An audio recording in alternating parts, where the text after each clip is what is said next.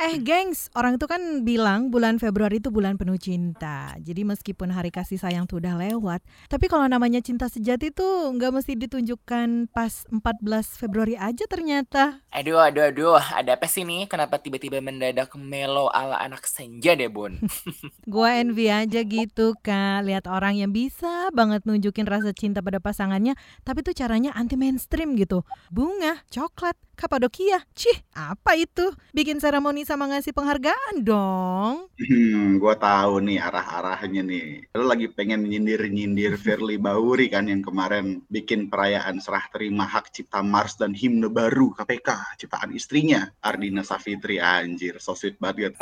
Sah-sah aja dong, itu kan namanya dukungan seorang suami pada bakat terpendang sama istri atau itu gratifikasi. Ya. Kalau dua bapak-bapak ini udah ngejulit, aku nggak ikutan deh. Tapi nih ya, tapi gue tuh personally amazed loh. Apalagi kan karyanya tuh udah terdaftar di Kemenkumham kan. Meskipun emang hak ciptanya terdaftar sebagai milik KPK. But anyway, why her? Why not? Mumpung masih megang jabatan kan. Eh, Hmm, atau mereka berpikir seolah-olah lagu bisa memberantas korupsi.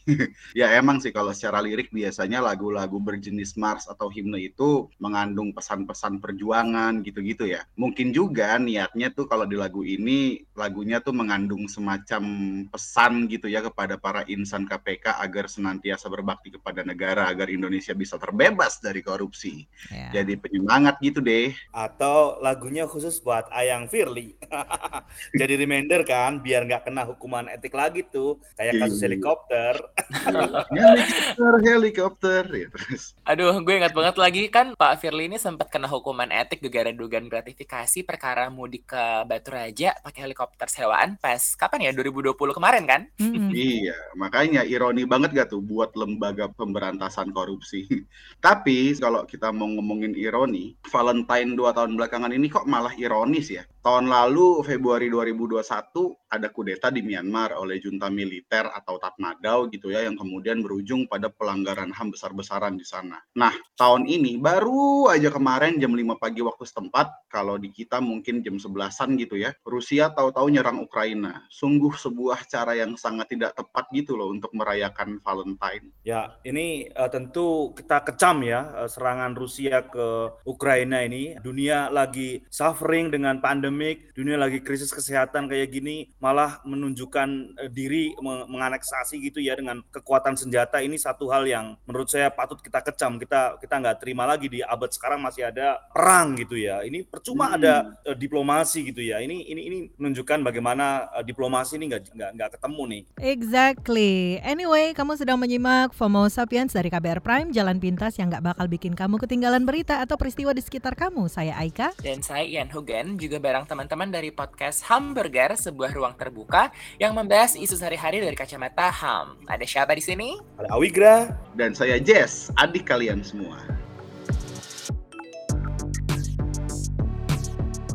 Eh, eh, eh, eh, eh. Hmm. Panjang banget nih eh gue. Lu pada ngikutin gak sih tuh viralnya si Dian Sastro di medsos? Lagi rame kan minggu ini tuh. Iya tuh, gara-gara dia kan nunjukin kan di rumah pribadinya itu yang pertama kalinya kan dia nunjukin gimana ruang bacanya kalau nggak salah. Dan kemudian Hmm. jadi heboh banget kan dijulitin netizen. Iya gimana nggak heboh guys. Ternyata tuh banyak banget loh sudut-sudut di rumah Dian Sastro ini yang ternyata relate banget gitu sama kehidupan orang biasa rakyat jeletot kayak gue ini. Keran cuci piringnya jadi tempat jemur kain lap, terus ngumpulin wadah makanan plastik, lalu ngebalik botol sampo yang udah mau habis, sampai sutil penggorengan tuh yang persis banget kayak di kosan gua. Intinya tuh ya sederhana banget gitulah, jauh banget dari bayangan rumah ala public figure yang biasa kita lihat. Gue jadi penasaran itu botol samponya yang udah mau habis itu dikasihin air nggak ya? Nah, Tapi nih, seiring viralnya rumah Dian Sastro itu, muncul juga pembahasan netizen soal mertua Dian, Adiguna Sutowo. Sampai nih ya, sampai soal kakek mertuanya Dian Sastro juga dibahas-bahas nih. Ternyata tuh konglomerat Ibnu Sutowo Eh, eh, ada apa sih dengan cinta? Eh, ada apa Iya. dengan Dian? Aduh, gini ya bapak-bapak ya. Mertua Dian, si Adi Guna Sutowo ini dikenal sebagai pemilik dan pendiri MRA Group. Adi Guna merupakan anak dari mantan Dirut Pertamina di era Orde Baru, Ibnu Sutowo. Selain media massa, MRA juga merambah bisnis lainnya seperti restoran, importir kendaraan mewah seperti Ferrari, hingga perhotelan. Sosoknya juga dikenal dekat dengan keluarga Cendana, terutama kedekatannya dengan Tommy Soeharto. Estafet bisnis di bawah MRA saat ini diwariskan kepada anaknya Maulana Indra Gunastowo yang tak lain, tak bukan adalah suami dari Dian Sastro. Begitu. Nah, kakek mertuanya Dian Sastro tadi tuh, si Ibnu Stowo itu kan emang dari zaman dulu itu udah tajir melintir, bos. Bayangin, Doi punya jet pribadi dan disebut-sebut sebagai orang Indonesia pertama yang memiliki Rolls Royce pada awal 1970-an. Rolls Royce itu tuh, itu lambang kemewahan coy pada zamannya. Dan bahkan sampai sekarang pun dia masih dianggap sebagai salah satu mobil paling mewah. Gaya hidup mewahnya itu selalu jadi sorotan publik. Apalagi ada dugaan korupsi waktu itu. Harian Indonesia Raya itu pimpinan Mokhtar Lubis ya, pernah bikin Lubis, penelusuran pada November 69. Hasilnya, Ibnu Sutowo memiliki uang simpanan mencapai 90,48 miliar. Yeah. Ada pula nih ya, dugaan kerugian negara akibat kerjasama Ibnu Sutowo dengan pihak Jepang senilai satu setengah juta USD. Tapi Sutowo selalu menyangkal itu dugaan korupsi. I see. Jadi sebenarnya dengan kekayaan yang benar-benar berlimpah itu, pesan yang kita bisa petik pasca melihat rumah Dian Sastro adalah Jangan salah milih mertua. Eh, bercanda, bercanda, bercanda, bercanda, bercanda gue, gitu. bercanda, bercanda. Anyway, yang gue heran tuh ya, kenapa sih perempuan tuh kayaknya selalu dikaitkan gitu dengan kerjaan suami lah atau latar belakang mertua yang kayak begitulah. Nggak bisa gitu ya dilihat independensinya seorang perempuan. Apalagi misalnya kayak sosok Dian Sastro nih. Personally menurut gue sih dia udah sukses banget ya dengan karirnya tanpa harus ngeliat embel-embel lain yang tadi itu ya. Kalau gue jadi Dian ya, dengan sebagai perempuan yang empower, gue bisa ngomong, Bapak mertua, apa yang lo lakuin itu jahat. Nih. ah, gue nggak mau komen apa-apa, ah, soalnya ngebayangin duitnya aja nggak bisa gue, nggak mampu. Tapi ya, kalau ngomongin soal perempuan dan korupsi itu ada juga yang lagi rame di medsos. Perkara Ibu Nur Hayati, kawur keuangan desa Citemu, Cirebon, Jawa Barat. Nah, usai melaporkan kasus dugaan tindak pidana korupsi kepala desa Citemu berinisial S, tahu nggak sih, bukannya diapresiasi yang didapat, malah dia tuh dijadikan tersangka. Hah? Gimana tuh? Gini nih, awalnya tuh pihak jaksa penuntut umum hanya mengecek kelengkapan berkas penyidikan tersangka S yang dilampirkan oleh Polres. Nah, dalam gelar perkara itu, dugaan korupsi yang disidik diduga merugikan keuangan daerah sebesar kurang lebih 818 juta. Nah, penyidik pun sempat diminta oleh jaksa melakukan pendalaman terhadap saksi Nur Hayati. Poin tersebut tercatat dalam kesimpulan expose gabungan antara polisi dan jaksa. Penetapan itu murni menjadi wewenang penyidik Polres Cirebon. Nah, gue juga baca-baca tuh kasusnya. Jadi, kalau menurut Kapolres Cirebon Kota, Fahri Siregar, Nur Hayati itu melanggar tata kelola keuangan dalam perkara tersebut dan bisa dijerat tersangka meski tak menikmati uang hasil korupsi yang dilakukan Kades Citemu. Fahri pun membenarkan bahwa penetapan tersangka itu dilakukan usai penyidik berkonsultasi dan mengirimkan berkas tersangka S ke JPU di mana terdapat rekomendasi untuk mendalami saksi Nur Hayati. Selama proses penyelidikan penyidikan, ternyata polisi menemukan dugaan pelanggaran tindak pidana korupsi dari Nur Hayati. Penetapan itu, kata si Fahri ya, dilakukan lantaran tindakan Nur Hayati membuat kerugian keuangan negara dan dianggap melanggar ketentuan pasal 2 dan pasal 3 UU nomor 20 tahun 2001 tentang pemberantasan tipikor jungto pasal 55 KUHP. Nah, posisi Nur Hayati sebagai pelapor sebenarnya kan udah dijamin sama Undang-Undang Perlindungan Saksi dan Korban untuk tidak mendapatkan serangan balik sepanjang laporan itu diberikan dengan itikat baik. Ini ngacu pada pasal 10 ayat 1 dan ayat 2 Undang-Undang 13 tahun 2006 sebagaimana diubah dengan Undang-Undang 31 tahun 2014 tentang perlindungan saksi dan korban. Penetapan tersangka terhadap pelapor tentu ini jadi presiden yang sangat buruk buat pemberantasan Iya. korupsi. Ya iyalah, yang dilaporin jadi tersangka, yang ngelaporin juga jadi tersangka. Gimana dah?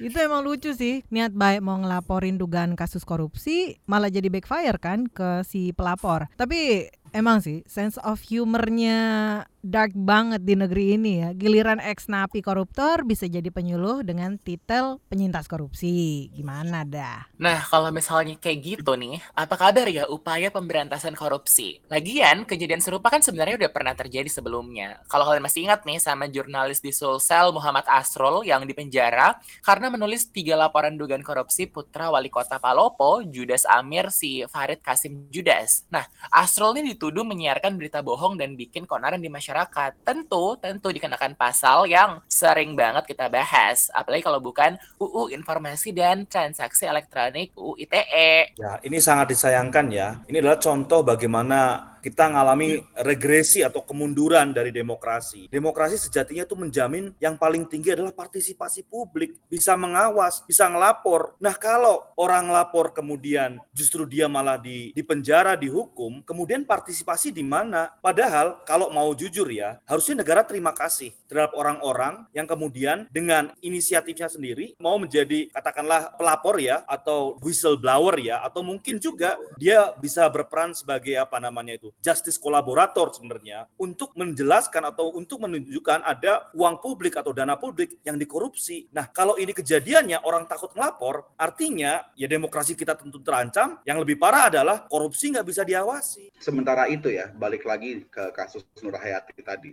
KPK itu konon kabarnya bakal berkoordinasi dengan aparat penegak hukum terkait soal penetapan Nur Hayati sebagai tersangka. KPK kan emang berwenang tuh ya mengordinasikan penyelidikan, penyidikan, dan penuntutan dalam pemberantasan tindak pidana korupsi. Nah, kita lihat aja nih gimana kelanjutannya yang harusnya dilindungi malah dikuak. Apa kabar yang diduga korupsi tuh si Kades Citemu, Supriyadi, ditetapkan duluan jadi tersangka. Bagaimana kelanjutannya? Jangan diendepin baik. Diendepin. Adonan roti kali ya, habis itu digoreng lalu ditiriskan. Sae lu, sambil nunggu KPK yang konon kabarnya koordinasi itu tadi, gua sih mending mantengin masyarakat anti korupsi Indonesia ya Maki. Karena Maki kan bakal ngajuin eksaminasi kepada Kejaksaan Agung terkait dengan pelapor kasus korupsi yang jadi tersangka itu. Apa tuh? Kalau dari contekan gue, eksaminasi itu adalah pengujian atau pemeriksaan terhadap surat dakwaan jaksa atau putusan pengadilan atau hakim. Tapi ada juga yang sering disebut legal annotation, yaitu pemberian catatan hukum terhadap putusan pengadilan ataupun dakwaan jaksa. Nah, dengan diajukannya eksaminasi, harapannya status tersangka Nur Hayati ini bisa diturunkan. Kalaupun nanti diproses lebih lanjut, bisa dihentikan penuntutannya sehingga nggak diproses tuh ke pengadilan. Apakah mungkin terjadi seperti demikian? Mungkinkah? Nggak, nggak. Gua nggak mau pesimis, gua nggak mau pesimis gitu. Baru juga kita mulai ngobrol udah pesimis aja. Ya, kita berharap aja supaya mudah-mudahan lagu barunya KPK bisa benar-benar mengungkap kasusnya. Meskipun rasanya agak nganu gimana gitu ya. Lagu untuk KPK dibuat dengan diduga kental. Ada semangat KKN, gimana bisa menyelesaikan kasus. Eh bentar-bentar depan kosan gue kok mendadak ada tukang bakso nih terus dia tiba-tiba ngetok mau ngasih bakso gratis. Gue ke depan dulu ya.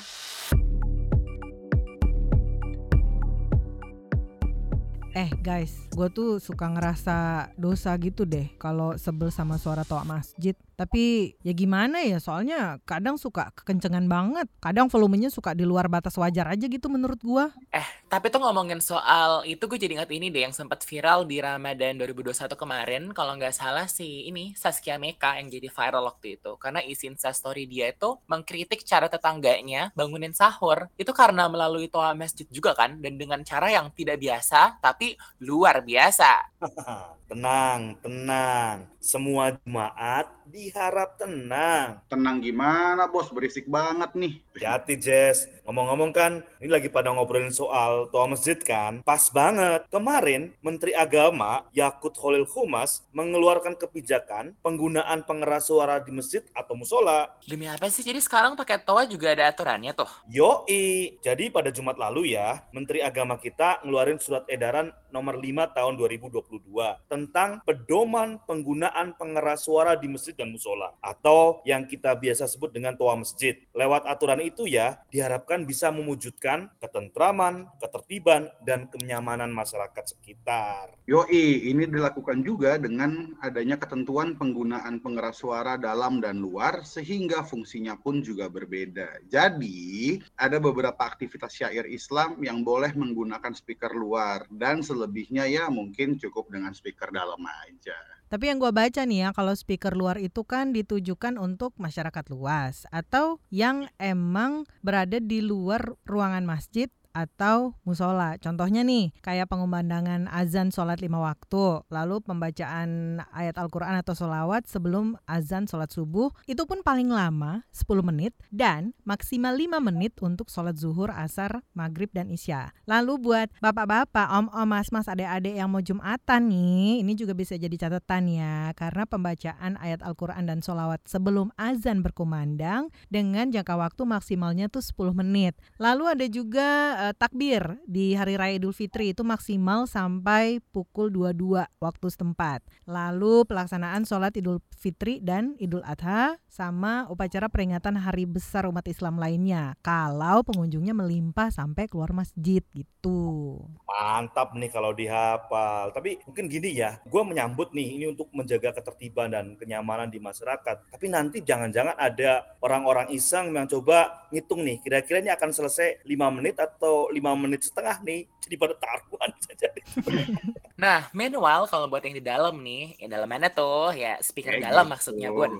Itu itu digunakan untuk kegiatan seperti misalnya pelaksanaan sholat subuh, zikir, doa dan kuliah subuh, pembacaan ayat Al-Qur'an setelah dikumandangkannya azan, terus juga kegiatan sholat Jumat dan kegiatan saat bulan Ramadan, terus juga takbir hari raya Idul Fitri jika dilakukan di atas pukul 10 malam, terus juga takbir hari raya Idul Adha dan yang lainnya di luar peraturan yang speaker luar tadi itu. Kalau gua ini ya, peraturan ini keluar beberapa tahun yang lalu aja. Saya rasa Meliana nggak pernah dihukum untuk Iya. gara-gara Hmm. ngobrolin soal terlalu kenceng itu. Padahal dia ngomong-ngomong nyantai aja sebenarnya. Ya Saskia Meka juga nggak bakal dihujat netizen. Exactly. Tapi ya Nah, lebih baik terlambat daripada enggak kan. Yoi. Nah ngomongin soal peraturan itu, jadi ada tanggapan nih dari MUI. MUI itu bilang kalau menak ngatur suara masjid, maka suara rumah ibadah lain kudunya diatur juga. Itu gue jadi penasaran, kira-kira dia tinggal di mana ya? Soalnya sepanjang gue hidup, rasa-rasanya jarang bener nemuin gereja atau wihara atau pura pakai toa. Tapi balik lagi ke soal peraturan, pemasangan pengeras suara atau speakernya pun ada peraturannya juga nih, yaitu dengan mengatur akustik yang baik biar suaranya optimal. Volumenya diatur sesuai kebutuhan dan maksimal 100 desibel, serta memerhatikan kualitas rekaman, waktu dan bacaan ayat saat memutar rekaman. Penting banget nih, soalnya kadang kalau suara rekaman yang nggak bagus kan di speaker jadi makin pecah sember gitu ya. Nah, udah ada ketentuannya tuh Bun. Jadi habis ini lo nggak usah ngerasa berdosa lagi. Jadi udah nggak boleh nih toa masjid kenceng-kenceng banget gitu. Tapi kalau nuker sandal Jumatan boleh nggak ya? Kalau itu bukan nggak boleh lagi bos, haram. Eh, tapi ngomongin haram-haram nih, gue jadi inget tahu isu wayang yang katanya haram. Oh, itu yang persoalan si Ustadz Khalid Basalamah itu ya. Tapi katanya salah paham aja tuh sampai ada vi- video klarifikasinya kan.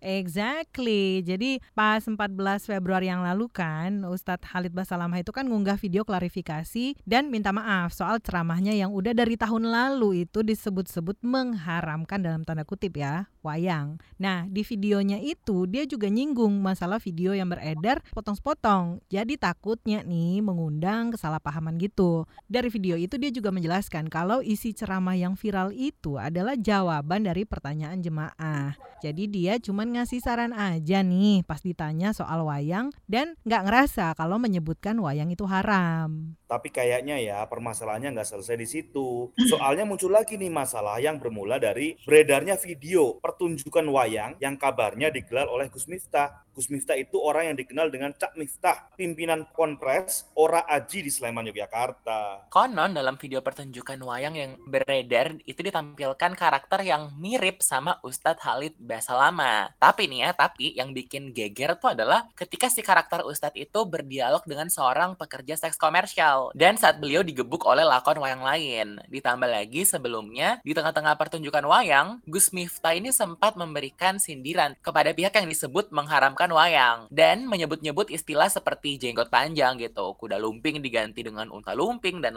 lainnya. Kan netizen jadi cocokologi gitu ya. Kalau kita lihat dari klarifikasi Cak Miftah sih, dia merasa bahwa adegan-adegan yang ada di pertunjukannya itu merupakan hak Ki Warseno Slang selaku dalang. Kalau dia mah bagian tanggung jawab pelaksanaan gelaran aja. Jadi kalau katanya si Cak Miftah itu semua itu domainnya si dalang. Sedangkan kalau kata si dalang dia nggak merasa menyebut nama Ustadz Khalid Basalamah dan tokoh itu juga bukan Ustadz tersebut. Menurutnya tokoh wayang yang dihajar Baladewa itu hanya wayang karikatur. Cuma kalau emang pada mikirnya gitu itu sih hak masing-masing. Tetep ya netizen. Ini sih makin ramai juga karena berita ini kan sampai ke Dery Sulaiman dan beliau menegur Gus Miftah karena menurutnya Ustadz Khalid Basalamah dijadikan wayang itu udah kurang ajar gitu.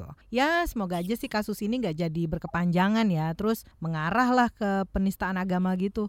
Kan lagi rame juga tuh. Bener banget, yang sekarang lagi berjalan ada kasus dugaan tindak pidana penistaan agama Kepala Staf Angkatan Darat Jenderal Dudung Abdurrahman dalam podcast YouTube. Pada video itu terdapat pernyataan Dudung soal Allah bukan orang Arab. Ada juga kasus penistaan agama MKC yang kemarin baru saja menjalani sidang tuntutannya JPU karena ucapannya dalam sejumlah video yang dinilai menistakan agama. Nah, kalau menurut gue ya soal dalang dan wayang tadi, gue lihat itu reaksi kultural ya, yang menurut aku asik juga tuh. Ada satu reaksi yang ya berbalas sindir barangkali ya, tapi menurut gue mengharamkan satu wayang juga apa masalahnya gitu. Dalang juga dalam masa pandemi juga nggak bisa nyari uang tuh, kemudian diharamkan. Saya rasa sakit hati juga kalau memang benar itu ditunjukkan untuk mengharamkan wayang. Siapa pelaku yang melestarikan budaya wayang? Saya rasa sakit hati kalau apa yang dia lakukan untuk melestarikan kebudayaan kemudian kalau benar ada katakanlah omongan bahwa itu adalah haram, tentu itu ada kayak semacam reaksi balasan yang kemungkinan disampaikan oleh dalang yang tadi di tempatnya Gus Miftah. Tapi menurut gue ini kultural juga reaksinya. Jadi omongan dibalas dengan karya wayang, tapi nggak usah masuk-masuk ke ranah penodaan agama lah. Kalau gue sih ngelihat dialog dalam tanda kutip tadi ya, yang satu bilang wayang bermasalah, yang satunya lagi kemudian ngehajar si ustaz dalam tanda kutip tadi itu dalam tokoh pewayangannya. Itu sih ya masih ranahnya kebebasan berpendapat aja ya. Saling kalau mau saling patah-patahan saling bantah-bantahan ya silakan. Tapi kalau misalkan udah masuk ke ranah penistaan agama ya jangan sampai ya. Dan menurut gue juga orang yang bacot-bacot soal penistaan agama itu justru sedang menghina agamanya sendiri. Soalnya dia itu merasa dirinya berhak mewakili agamanya. Padahal agama itu kan besar suci gitu ya. Emang dia sesuci itu sampai dia ngerasa berhak mewakili agama yang sedemikian besarnya. Coba lo perhatiin frasanya deh. Penistaan agama, ya kan? Siapa subjeknya tuh yang dinista? Agama kan? Tapi kan dalam kasus-kasus penistaan agama yang melaporkan itu kan orang, individu yang dinistakan agama, tapi yang ngelaporin kok individu per individu berarti dia ngerasa berhak dong mewakili agamanya. Lagian emang agama tuh harus diwakili kan? Enggak juga kayak ada semacam logical fallacies bahkan dalam keberadaan si pasal penistaan agama ini seolah-olah agama bisa bergerak mewakili dirinya sendiri. Tapi ya ngomongin soal pasal penistaan agama, kan RUU KUHP ini tetap mempertahankan pasal tersebut. Bahkan nih sekarang definisinya juga diperluas sampai-sampai orang yang tidak percaya agama atau agnostik juga akan dipidanakan maksimal 4 tahun penjara. Bukan itu hak pribadi masing-masing ya? Ngeri. What? What? What? Serius. Aduh, gimana ya? Astaga. Anyway, balik lagi nih kalau kita ke masalah wayang tadi. Ada juga loh tanggapan dari Direktur BNPT Irfan Idris yang menyebut ada ustadz beraliran Wahabi yang mengharamkan kesenian wayang dan akhirnya minta maaf. Lalu ada juga pernyataan dia yang bikin uh, warga rada-rada kurang serak nih karena sempet kan ngomentarin hal ini dengan mengangkat sentimen kelompok. Kira-kira kayak gini nih komentarnya nih. Apakah wayang-wayang itu harus tampil dengan Ustadz Wahabi sehingga tidak dibakar lagi? Buat wayang yang pakai jenggot, buat wayang yang hangus jidatnya, buat wayang yang pakai cingkrang agar mereka bisa bersahabat. Gimana ya? Maksudnya itu kan pendapat tapi kan kapasitas dia ngomong itu kan sebagai direktur BNPT gitu ya? Nah, ya kalau itu misalkan katakanlah itu pendapat pribadi itu sih fine fine aja. Tapi kalau dia mewakili institusi negara ya seharusnya sih nggak boleh dia ngomong kayak gitu. Negara kan harus engaging ke semua orang ke semua kelompok. Nggak bisa dong dia terus tiba-tiba ngomong yang kayak mendiskreditkan atau menyudutkan satu kelompok tertentu meskipun belum tentu kita setuju dengan kelompok-kelompok yang sedang didiskreditkan itu ya tapi itu hal lain maksud gue Lagian ya, memang ya ini zaman zamannya viral-viralan gitu. Gua heran juga, itu kan ceramah Ustadz Halid udah dari tahun kemarin. Kenapa nggak ada angin nggak ada hujan, viral lagi. Yang perlu diviralkan dan dikawal ya harusnya tuh ya kasus Wadas, CHT, hmm. pindah Hmm. IKN, beserta gerakan Hmm. lingkungannya. Dan yang terpenting sih menurut gue, minyak goreng dan kiamat tempe. wah itu penting betul Nah, itu setuju gue, setuju. Gila, gue terdampak banget itu nggak makan tempe berapa hari, sakau nih, aduh.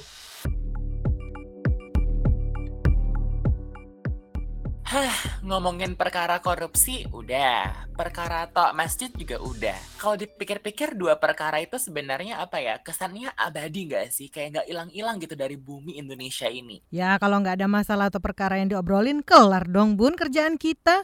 Lagian utopis banget nggak sih kalau dunia ini tanpa perkara? Dunia utopia itu emang cuma ada di dalam cerita-cerita film atau fiksi doang, kawan-kawanku.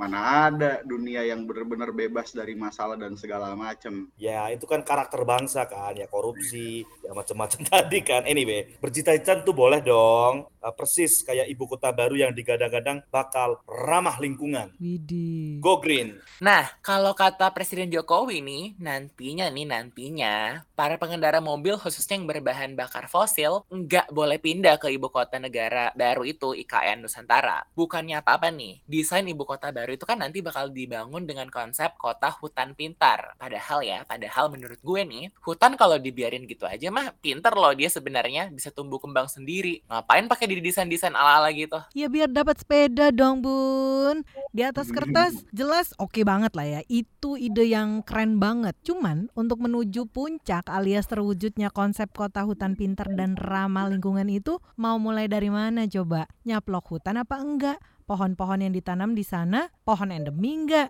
Keanekaragaman hayatinya bakal kegeser nggak tuh dengan pembangunan ibu kota baru nanti? Eh, sebentar Bun. Gue sih sebenarnya sepakat-sepakat aja ya kalau misalnya ibu kota itu mau dipindahin. Karena kan emang Jakarta udah kelebihan beban banget nih. 11 juta orang. Buangannya tuh macam-macam kan. Sampah jadi persoalan, macet dan ancaman Jakarta tenggelam juga udah nyata banget depan mata. Permukaan tanah di pesisir Jakarta sendiri kan sepanjang 2015 sampai 2020 mengalami penurunan antara 0 hingga 1,8 cm. Pertanyaan gue sekarang nih, sama juga kayak lo. Beneran gak tuh dari hulu sampai hilir bakalan ramah lingkungan? Anjay, hulu sampai hilir. Bahasa lo kayak pejabat banget ya. Ember. Ngomongin soal penurunan tanah Jakarta itu, Profesor Riset Bidang Meteorologi Organisasi Riset Penerbangan dan Antariksa BRIN, Edi Hermawan itu pernah ngomong, hingga 2050 nanti, wilayah daratan yang berkurang akibat air laut masuk Jakarta itu terjadi di Tanjung Priuk, Sunter, Mayoran, Ancol, Kota, Pluit, Penjaringan, Kapuk, serta Tol Bandara. Tapi gini, jangan sampai aja nanti setelah pindah, perkara di Jakarta ini ditinggalin gitu aja, kayak dulu pas transisi dari gubernur ke presiden. Ups. Eh, berarti ya sekalian aja ya kan. Kalau semisal nih, semisal mobil yang pakai BBM atau berbahan bakar fosil nggak boleh ada. Bolehnya cuman mobil listrik. Nah, listrik kita kebanyakan hulunya dari mana? Kalau dari catatannya Kementerian SDM nih, energi fosil tuh masih jadi penyumbang utama pembangkit listrik di Indonesia. Capaiannya itu 60 ribuan megawatt setara 85,31 persen dari total kapasitas terpasang nasional. Penyumbang utamanya adalah batu bara. Jadi sebenarnya sama aja dong. Iya dong. Masalah yang satu nambahin masalah yang lain. Tapi lagian maksud gua kenapa nggak sekalian aja sih mobil berbahan bakar sampah gitu. Misalnya ya, supaya dia juga bisa ngebantu ngelarin masalah sampah di Jakarta kan. Itu tuh kayak mobilnya Marty McFly dalam film Black to the Future kan bahan bakarnya sampah. Wadaw, referensinya 80-an banget. Tahun bet ya. Yoi, tapi balik lagi ke intinya ya, nggak sesederhana itu buat bikin kota yang ramah lingkungan. Kayak yang lu bilang tadi, dari hulu sampai hilir, ya prosesnya kudu lestari, ramah lingkungan. Kayak ini misalkan, perkara sendok plastik. Sepakat sih gue buat ngurangin penggunaan plastik, cuma kan kudunya nggak sampai gitu doang. Akar persoalannya itu loh, kudu diselesaikan juga. Nah, ngomongin soal membangun kota yang ramah lingkungan, kemudian tanggung jawabnya kan seolah diserahkan ke publik gitu ya. Jangan lagi pakai mobil berbahan bakar fosil atau ngomongin soal plastik, tanggung jawabnya digeser lagi tuh ke publik. Jangan lagi pakai sendok plastik bla bla bla endes bray endes bray fafifu asweswos. Cuman masalah masalahnya kan sebetulnya kalau mau dilihat secara pelak-pelak tanggung jawab itu ada di siapa sih sebetulnya harusnya? Ya di negara lah. Jangan kemudian masyarakat perlu ikut andil, tapi bukan sebagai mainnya gitu loh. Ya pertama-tama utamanya ya di negara dulu. Ya lo contohnya kalau memang punya niat baik untuk ngebenerin lingkungan ya lo benerin juga deh tuh proses-proses soal amdal dan segala macem. Jangan kemudian amdal di dilusin gitu aja. Terus kemudian kita yang disuruh jangan pakai ini plastik lah jangan pakai bensin lah anu lah itulah kan puyeng-puyeng juga kitanya nanti. Nah, bener. Benar benar betul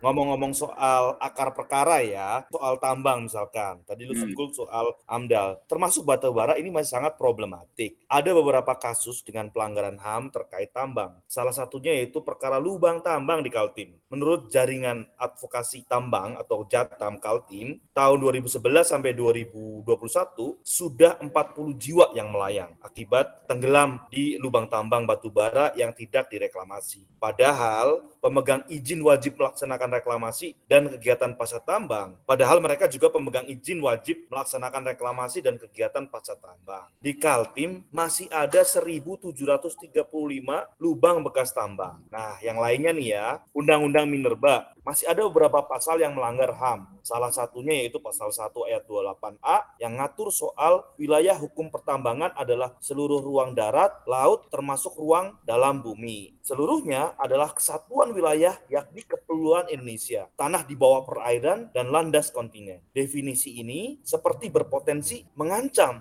ruang hidup masyarakat karena seluruh kegiatan pertambangan itu masuk dalam ruang hidup masyarakat. Selama ini tercemin dalam beberapa kasus konflik agraria yang ditangani oleh Komnas HAM. Pasal yang lainnya lagi nih ya, pasal 162 dan 164 Undang-Undang Minerba lagi dianggap membuka peluang untuk melakukan kriminalisasi terhadap orang-orang yang melakukan penolakan terhadap tambang. Exactly, yang kayak kasus-kasus yang baru juga kita alamin gitu yang baru-baru ini ramai dari kita udah bahas pewadas, kemudian penolakan tambang di Sulawesi Tengah yang kemudian berujung pada kematian itu kan problem-problem konkret yang masih hangat di depan mata soal bagaimana masalah-masalah lingkungan ini ternyata nggak sesederhana lo berhenti makan sendok plastik atau lo berhenti menggunakan bakar bensin atau solar gitu. Nggak cuma menurut Jatam dan Komnas HAM, Walhi juga punya catatan. Menurut catatannya Walhi, setidaknya ada 162 konsesi tambang, kehutanan, perkebunan sawit, dan PLTU batubara di lokasi IKN. Jadi kan lahannya bukan lahan kosong. Mungkinkah ini jadi upaya buat pemutihan dosa-dosa tambang, kebun, dan industri kehutanan? Kita nggak tahu. Tapi yang pertanyaan selanjutnya adalah kalau prakteknya kayak gitu, apakah benar klaimnya bahwa IKN akan ramah lingkungan? Ya ramah dong, ramah ke pengusaha usaha tambang, pendosa kebun, dan industri kehutanan. Yang kalau katanya Jatam, mereka itu adalah orang-orang yang dekat dengan istana ya, seperti adiknya Prabowo atau kemudian anaknya Setnov dan Yusril Isa Mahendra. Wak wow. Eh, ush, nggak boleh berburuk sangka gitu dong kalian. Gak apa-apa, yang penting emang ramah. Ramah, cuan. Exactly. Waduh. Itu dulu buat pekan ini. Saya Ian Hogan. Saya Aika. Daniel Awigra. Dan Jess yang baru saja didatangi tukang bakso. Sampai ketemu pekan depan. Bye. Bye. Bye.